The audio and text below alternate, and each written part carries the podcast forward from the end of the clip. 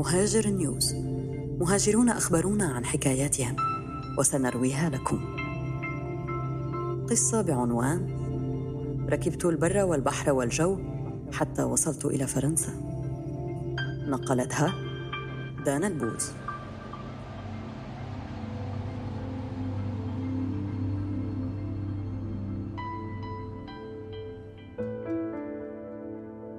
منذ نحو ستة أشهر بدأت سارة رحلة شاقة هي رحلة الهجرة.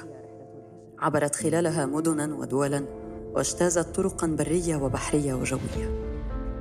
افترقت عن أصدقائها واضطرت لإكمال قصتها وحيدة إلى أن بلغت وجهتها الأخيرة فرنسا.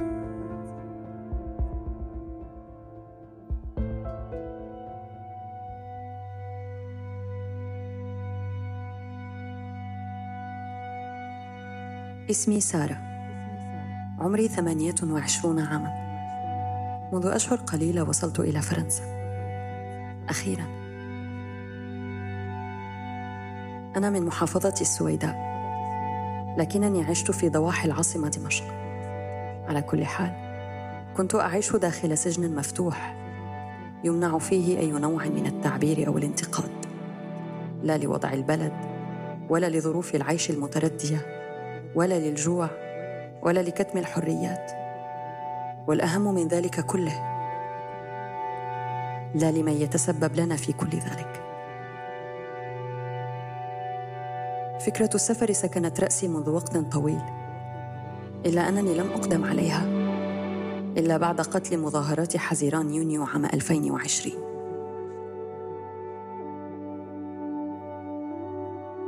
جاورني أمل كبير عند انطلاق مظاهرات شعبية في مدينتي. السويداء. رفعت وغيري أصواتنا عاليا. كنا كثر. ننادي. مطالبين بالحرية والتخلص من حكم النظام الدكتاتوري. راقبت الحراك في مدينتي يوما بيوم وشاركت فيه فكرا وصوتا وصورة.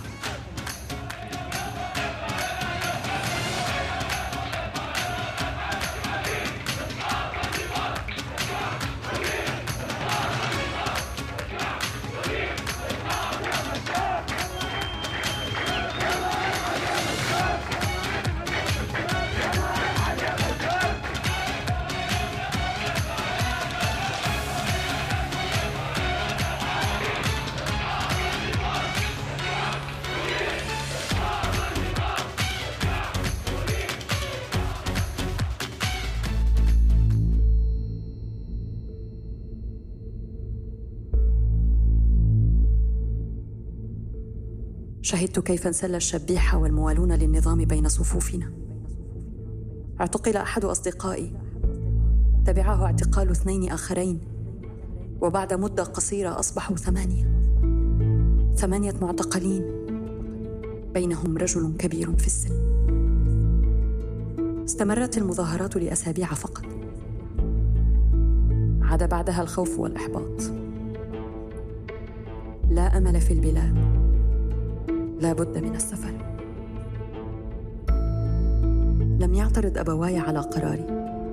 أرادا لي عيشا آمنا لأن صور مشاركتي في الحراك كانت ظهرت على مواقع التواصل الاجتماعي.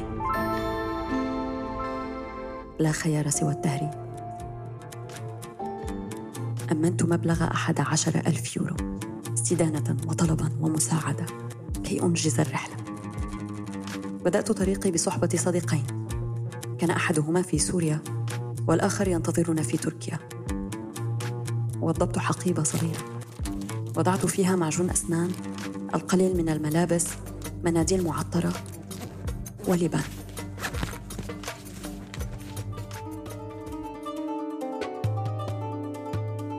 بدأت الرحلة بالاتجاه برا إلى الشمال السوري إلى مناطق خارجه عن سيطرة النظام برفقة مهرب. وصلنا إلى عزاز الحدودية. أمن لنا مهرب آخر هناك إذن ضابط للعبور إلى تركيا. قفزنا على الجدار الحدودي ثم ركضنا أسرع ما يمكن حتى غدونا في الأراضي التركية. كانت هناك سيارة بانتظارنا. ركبناها وصولا إلى كلس وأكملنا بعدها باتجاه إزمير بقينا هناك بانتظار العبور التالي إلى اليونان. كانت نقودنا قليلة وكل شيء غاليا.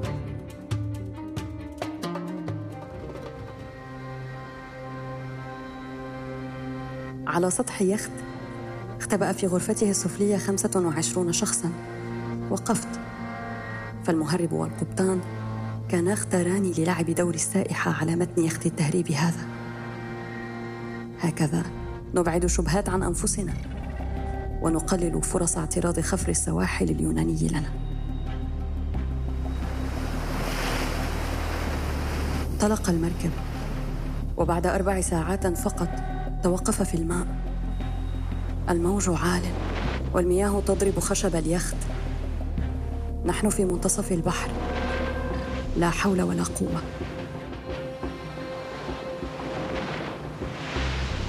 لم أشعر بالخوف.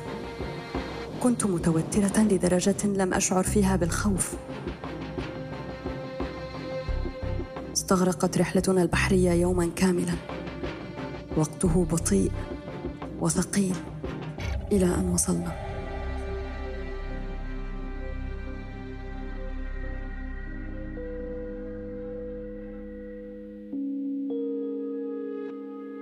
بعد البر والبحر جاء وقت طريق الجو. أمن لنا المهرب هويات مزورة. وطلب منا التوجه إلى جزيرة سانتوريني. سنركب الطائره من هناك فمطار أثينا مراقب. يا للسخريه حلمت بزيارة سانتوريني كسائحة. أحببت تربتها. داكنة. تشبه تربة السويداء.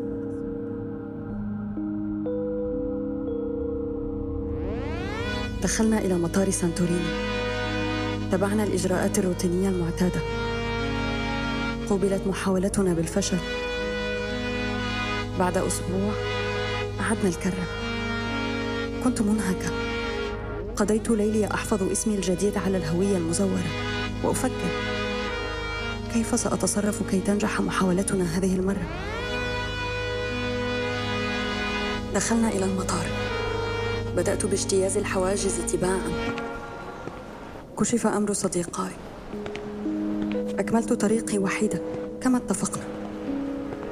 وصلت إلى الطائرة. قعدت في مكاني. شعور لا يصدق. إنها أول مرة أسافر فيها على متن الطائرة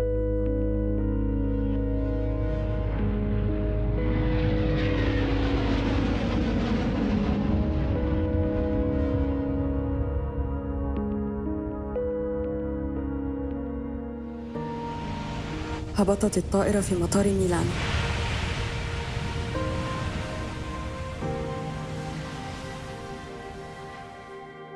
حجزت من هناك بطاقة قطار إلى ليون الفرنسية. داخل القطار حاولت تمالك نفسي. أنا وحيدة في بلاد غريبة. أرتجف كلما مر شرطي بجانبي. وصلت أخيرا إلى وجهتي. في نهاية عام 2020 تقدمت بطلب اللجوء في فرنسا.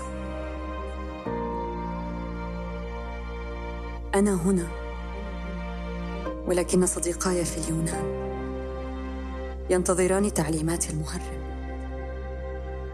حتى يستطيعا العبور إلى فرنسا.